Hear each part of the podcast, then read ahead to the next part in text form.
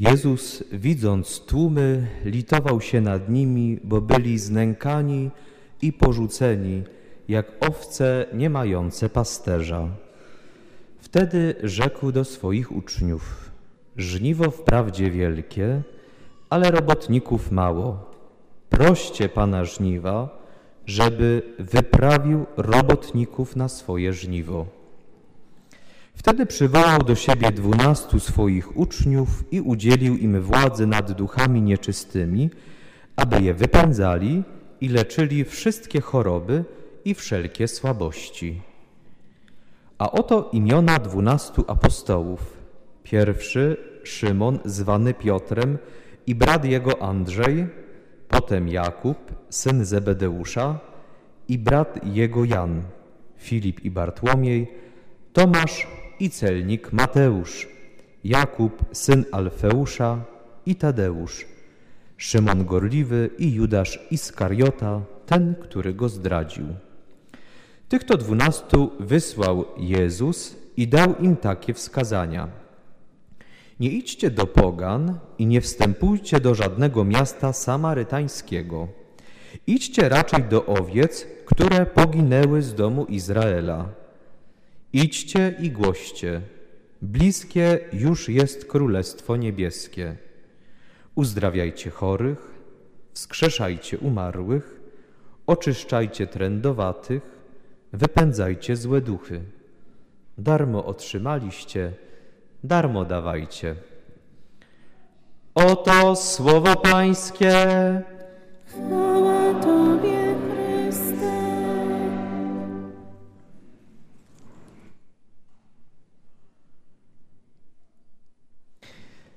Kiedy obchodziliśmy 777 lat Sławic, to skończyłem pierwszą y, klasę szkoły podstawowej i pamiętam takie różne przygotowania. Aż tak dużo nie pamiętam, byłem wtedy dzieckiem, a już trochę czasu upłynęło. Pamiętam, jak była taka procesja, taki marsz przebierańców. Też wygrałem na loterii fantowej taką dużą straż pożarną. Takie wspomnienia. A kiedy obchodzimy 800 lat Sławic, no to upłynął rok mojego kapłaństwa, taki roczek. Niektórzy się śmieją i mówią, skończył się już ten termin, ten czas ochronny, teraz się dopiero zacznie. I niezmiernie się cieszę, że tutaj jestem z Wami, kiedy obchodzimy ważny jubileusz, bo jest to czas, kiedy chcemy się zastanowić nad tym, co było, co jest, a może i też nabrać konkretnego słowa na to, co będzie. 800 lat to szmat czasu. I nie ukrywam mojej radości, że mogę się podzielić y, z konkretnym słowem, z dobrą nowiną, które, którą dzisiaj daje Pan Jezus do Ciebie, który tutaj jesteś już może od dłuższego czasu zakorzeniony, a może dopiero co przyszedłeś na tę ziemię. Bo pewnie padnie wiele ważnych słów, może już padło, ale to najważniejsze padło przed chwilą, które Pan Jezus kieruje ponownie do Ciebie jako swojego ucznia. Jezus, kiedy zobaczył tłumy, litował się nad nimi. Pierwszą reakcją Pana Boga na ludzką biedę, grzech, słabość, jak opisuje dzisiejsza Ewangelia, to jest głębokie wzruszenie. On litował się nad tymi ludźmi, a tak dosłownie to był tak poruszony, że zatrzęsły się mu wnętrzności. Pan Jezus nie potrafi być obojętny na ludzką jakąkolwiek biedę, czy to materialną, czy duchową. To jego wewnętrzne poruszenie jest impulsem do tego, że potrzebuje konkretnych uczniów, potrzebuje konkretnych współpracowników, no żeby poszli za nim. I z tego rodzi się nakaz misyjny i powołuje dwunastu uczniów. Powołani przez Pana apostołowie są tacy jak Izrael, co mogliśmy usłyszeć dzisiaj w pierwszym czytaniu. Najpierw naród niewolników, który wychodzi, jest wolny i dzięki Bogu potrafili odnaleźć drogę, ale też i ciągle błądzili. Wśród nich, czyli tych wśród uczniów, których powołuje Pan Jezus, znajdują się zawistnicy, zazdrośnicy, zdrajcy. Ci uczniowie będą później się spierać między sobą, a ostatecznie porzucą swego mistrza, kiedy przyjdzie konkretna godzina próby, konkretnie godzina krzyża. A jednak Pan Jezus daje wielki mandat zaufania dla swojego ucznia, mimo że wie, z czym się ten człowiek zmaga, że to wcale nie jest taki świętoszek. I co mówi do swoich uczniów? Żniwo wprawdzie wielkie, ale robotników mało. Proście Pana, żeby wyprawił robotników na swoje żniwo. To nie jest słowo przypadkowe, o którym mówi Pan Jezus. Znając cały kontekst Palestyny,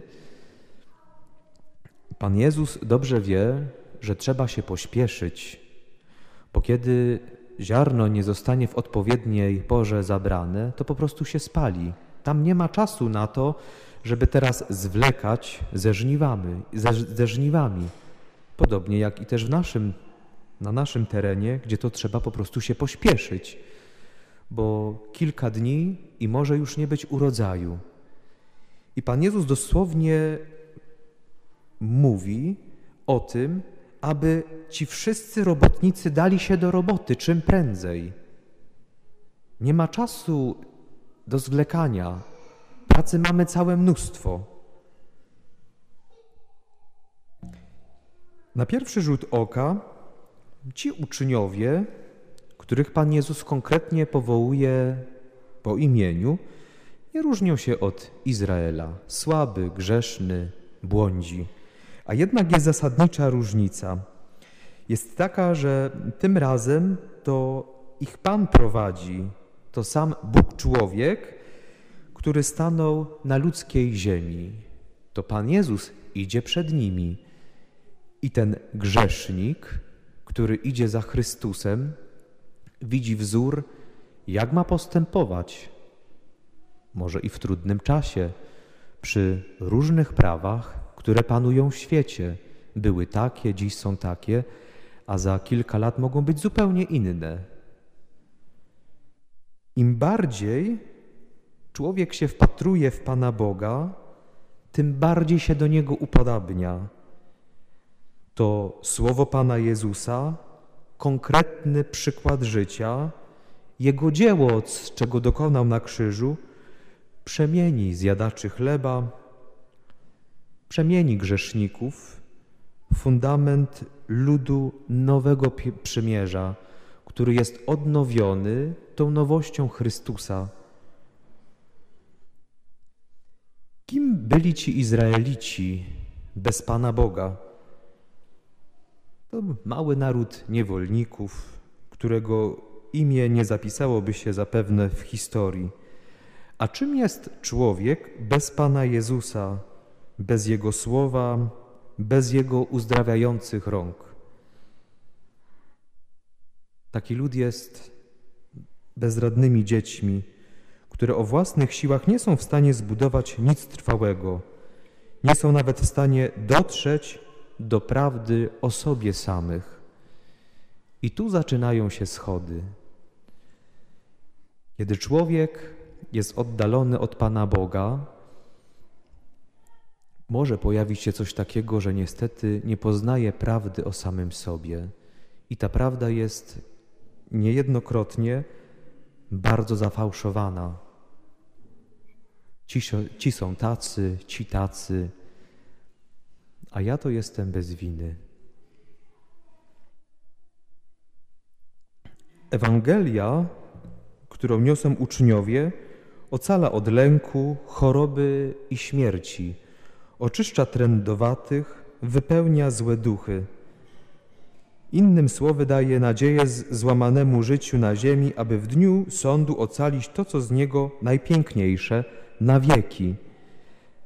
Pan Jezus, kiedy powołuje uczniów, ale który również i dzisiaj powołuje Ciebie do tego, by być Jego uczniem, daje bardzo konkretne wskazówki. Nie idźcie do pogan i nie wstępujcie do żadnego miasta samarytańskiego. I teraz uwaga, do, ko do kogo iść? Idźcie raczej do owiec, które poginęły z domu Izraela. Idźcie i głoście do tych, których tu nie ma. Kiedyś byli, a może gdzieś zaginęli z różnych powodów. Bardzo prosty nakaz: idź i głoś. Co? Bliskie już jest Królestwo Niebieskie. Idź i głoś, kim jest Jezus. Słowa pouczają, a świadectwa pociągają. Myślę, że to jest wielka rola dla Ciebie i dla mnie, żeby swoim życiem pokazać, kim jest Jezus. A może po prostu wystarczy dać proste świadectwo, kim jest Jezus dla mnie, który przychodzi w swoim słowie, że On prostuje moje myślenie. Może gdzieś pobłądziłem, a jednak Pan Jezus coś mi przypomina. Może na jaką drogę dobrze wkroczyć, a może dać świadectwo, ile Bóg mi przebaczył. Że to ja, tak jak apostołowie, wcale nie jestem taki święty. Może jest coś takiego, że jest bardzo widocznego, z czym boryka się człowiek. Dzisiaj, y, kiedy odprawiałem mszę świętą w Oleśnie, to wikary mówił też o tej Ewangelii, homilię i powiedział, że słyszał niedawno takie porównanie, że księża to są jak samoloty, że fruwają na niebie, przewożą ludzi z punktu A do B, ale jak taki samolot upadnie, to nagle o tym mówi cały świat. Myślę, że coś w tym jest, ale kiedy rozbije się samochód, również o tym się mówi głośno. To, co grzeszne, jest o wiele bardziej widoczne niż to dobro, a może po prostu dać świadectwo temu, w jaki, jaki sposób Chrystus mnie przemienia. I myślę, że to jest bardzo dobry obraz, że to, co dzieje się tu na ołtarzu, to, co dzieje się w świątyni, jest jak takie źródło, które tętni, gdzie ta woda wypływa, i nie jesteś w stanie tego wszystkiego wypić naraz. To nie jest możliwe. Przyjdziesz i nabierzesz trochę na dłoń, ale przychodzisz ponownie, a to źródło cały czas tętni, tętni. I nie jest to uchwytne do opisania, co dzieje się w sakramentach. To jest wielka tajemnica, w jaki sposób Pan działa. Sam widzę ze swojego doświadczenia, tyle razy już przeczytałem Ewangelię, ciągle przygotowuję, może to słowo się już któryś raz powtarza, a ciągle przez to słowo Pan Jezus mówi mi jakąś nowość. Nagle patrzę, nigdy na to nie zwróciłem uwagi. I potem patrzę na własny kontekst życia i patrzę, no to jest słowo, które daje mi Pan Bóg. W taki sposób on się objawia. Mogę czasem siąść w kościele i się zastanowić, no Panie przemów do mnie, no otwórz i czytaj. Pan w taki sposób chce mówić, w sposób bardzo konkretny. To słowo jest ciągle żywe, ciągle skuteczne i te wiadomości, które kieruje do nas Bóg przez słowo, głęboko wierzę w to, że są bardzo adekwatne na dzisiejsze czasy i na ten jubileusz, który mamy. Uzdrawiajcie chorych, wskrzeszajcie umarłych, oczyszczajcie trędowatych, wypędzajcie złe duchy.